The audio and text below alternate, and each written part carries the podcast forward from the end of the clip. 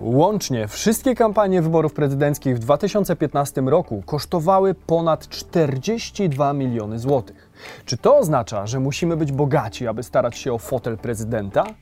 Skąd kandydaci biorą te wszystkie pieniądze na billboardy, spotkania i reklamy? Ciekawi? Zapraszam! Cześć, tutaj Damian Olszewski i witam Was serdecznie na kanale, na którym o pieniądzach mówimy ludzkim językiem. Dzisiaj opowiem Wam trochę o tym, jakimi pieniędzmi dysponują kandydaci na prezydenta, skąd je biorą i na co mogą je później wydać. Na wstępie zaznaczam, że ten materiał, tak jak każdy inny na moim kanale, nie ma wydźwięku politycznego, tylko czysto ekonomiczny. Będę się trzymał finansów i biznesu, czyli własnego obszaru ekspertyzy. Zacznijmy od tego, że każdy komitet wyborczy danego kandydata musi skrupulatnie prowadzić zapisy wszystkich przychodów i wydatków. Ukazują się one w raporcie po wybraniu głowy państwa. Dlatego wiemy, że mając kilkanaście tysięcy złotych możemy ubiegać się o urząd prezydenta, tak jak w przypadku Pawła Tanajno w 2015 roku. Nie słyszeliście o nim wtedy? Nic dziwnego, bo najbardziej rozpoznawalni kandydaci przeznaczają po kilkanaście milionów złotych na swoje kampanie. Powszechność ich twarzy w społeczeństwie jest wtedy nieporównywalnie większa. Nawet jeżeli mamy miliony złotych na koncie, to aby przystąpić do tego wyścigu, musimy spełnić szereg warunków. Mianowicie, musimy mieć ukończone 35 lat. Musimy posiadać pełnię praw wyborczych do Sejmu. Nie możemy zostać przez sąd pozbawieni praw publicznych i wyborczych i musimy zebrać 100 tysięcy podpisów osób posiadających prawa wyborcze. Co ciekawe, prezydentem możemy zostać kończąc jedynie podstawówkę. Czterech spośród tegorocznych kandydatów ma zdaną jedynie maturę, m.in. Szymon Hołownia czy też Krzysztof Bosak, co oczywiście nie wyklucza ich możliwości zwycięstwa w tej rywalizacji. Mając odhaczone te cztery punkty, możemy myśleć realnie o naszej kampanii prezydenckiej. Dla tegorocznych wyborów zostały utworzone 23 komitety, jednak nie wszystkim udało się zarejestrować swojego kandydata. Głównie przez punkt czwarty, chyba najtrudniejszy do tej pory. Jeśli jednak uda nam się spełnić wszystkie z powyższych wymagań, to czeka nas kolejna przeszkoda. Jak nie wiadomo o co chodzi, to chodzi o pieniądze. Czy jako kandydat na prezydenta musimy dysponować olbrzymią ilością gotówki, aby włączyć się do walki? Niekoniecznie, bo pieniądze na kampanię da się pozyskać z innych źródeł. A w drugą stronę, jeśli już mam wolnych parę milionów, które mógłbym przeznaczyć na moją kampanię prezydencką, to mogę ich użyć?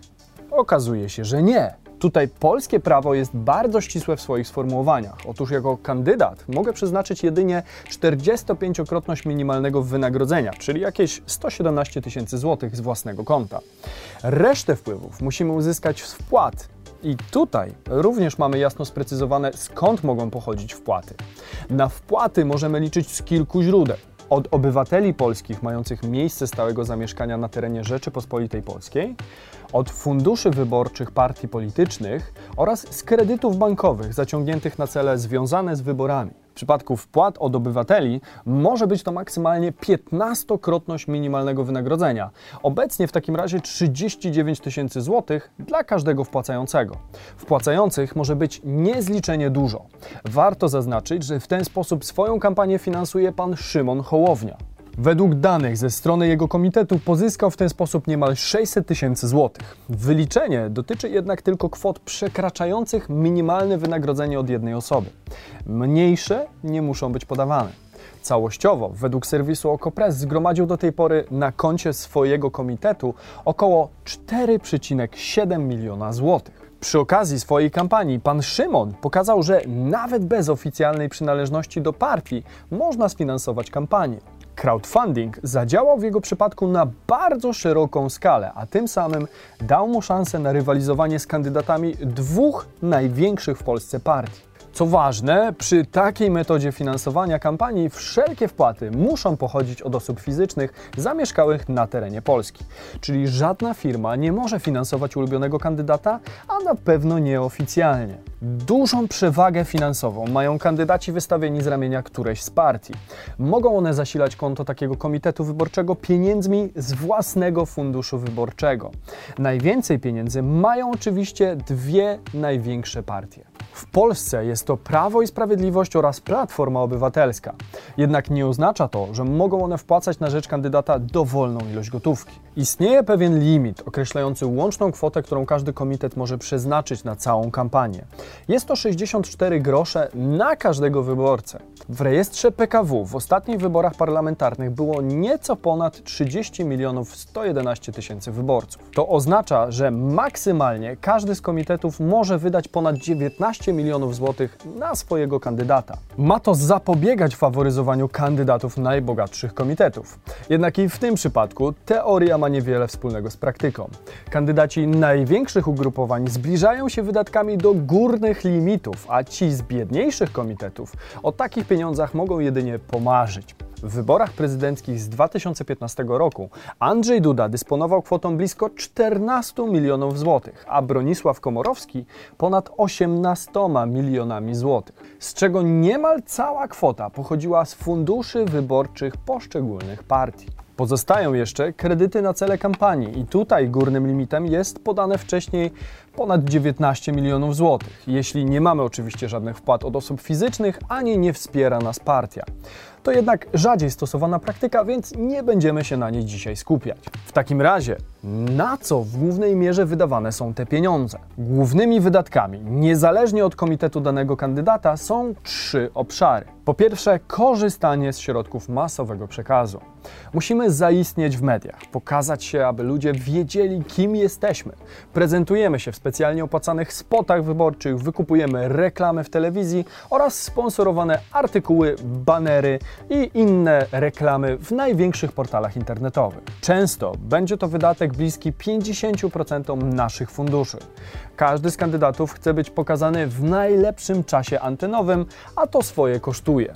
No właśnie, ile kosztuje reklama w telewizji i na czym zarabiają tak zwane stare media? Dajcie znać w komentarzach, czy chcielibyście zobaczyć o tym odcinek. W 2015 roku Bronisław Komorowski wydał na cele związane z otoczką medialną ponad 9 milionów złotych. I była to wtedy największa kwota, bijąc drugiego na podium Andrzeja Dudę o 3 miliony. Kolejnym punktem na naszym rachunku wydatków będą wszelkie materiały wyborcze. Mówimy tutaj o billboardach, plakatach, ulotkach, banerach itd., tak itd. Tak Oczywiście płacimy za opracowanie materiału, jego wytworzenie oraz rozpowszechnienie lub wykupienie miejsca. Tutaj kwota w stosunku do danego kandydata jest różna, ale tendencja jest taka, iż im mniej mamy zgromadzonych środków na koncie, tym większy procentowo będzie udział, jaki musimy przeznaczyć na te wydatki. Przykładowo, Andrzej Duda wydał 3 miliony na ten obszar kampanii i było to około 20% wszelkich kosztów.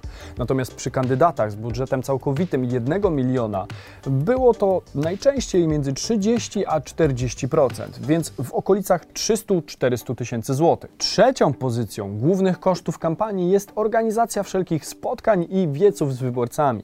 Zapewniamy wynajęcie sali, nagłośnienia czy pozostałego sprzętu. Dochodzą również koszty firm ochroniarskich, wynajem aut lub po prostu rozdanie przysłowiowej kiełbasy wyborczej.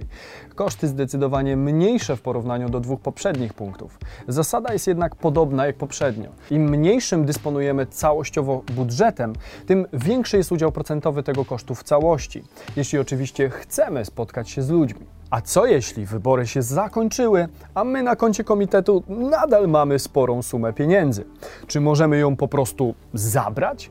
Otóż, jeżeli na koncie komitetu została jakaś gotówka, to musimy ją przekazać na organizację pożytku publicznego. Tak, dobrze usłyszeliście. Nie możemy ich sobie po prostu zatrzymać lub wydać w innym celu. Co więcej, wolno nam zbierać pieniądze jedynie do okresu ciszy wyborczej.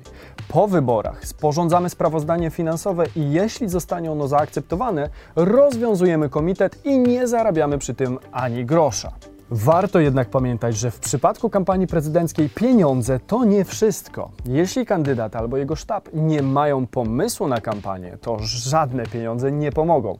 Można wydać na kampanię masę pieniędzy, jak PO i Bronisław Komorowski w 2015 roku. Przypominam, 18 milionów złotych, a do tego przegrać i całość kwoty stracić. Pieniądze, które w ten sposób zasilają konta telewizji czy wszelkich internetowych gazet czy portali, pochodzą zwykle z portfeli podatników. Można więc powiedzieć, że za wszelkie wyborcze wyścigi końcowy rachunek i tak opłacamy z własnej kieszeni. Jeżeli podobał Wam się ten odcinek, kliknijcie koniecznie subskrypcję tutaj oraz dajcie znać w komentarzach, na kogo zagłosujecie w drugiej turze. Zachęcam do głosowania, a tymczasem do zobaczenia za tydzień. Cześć!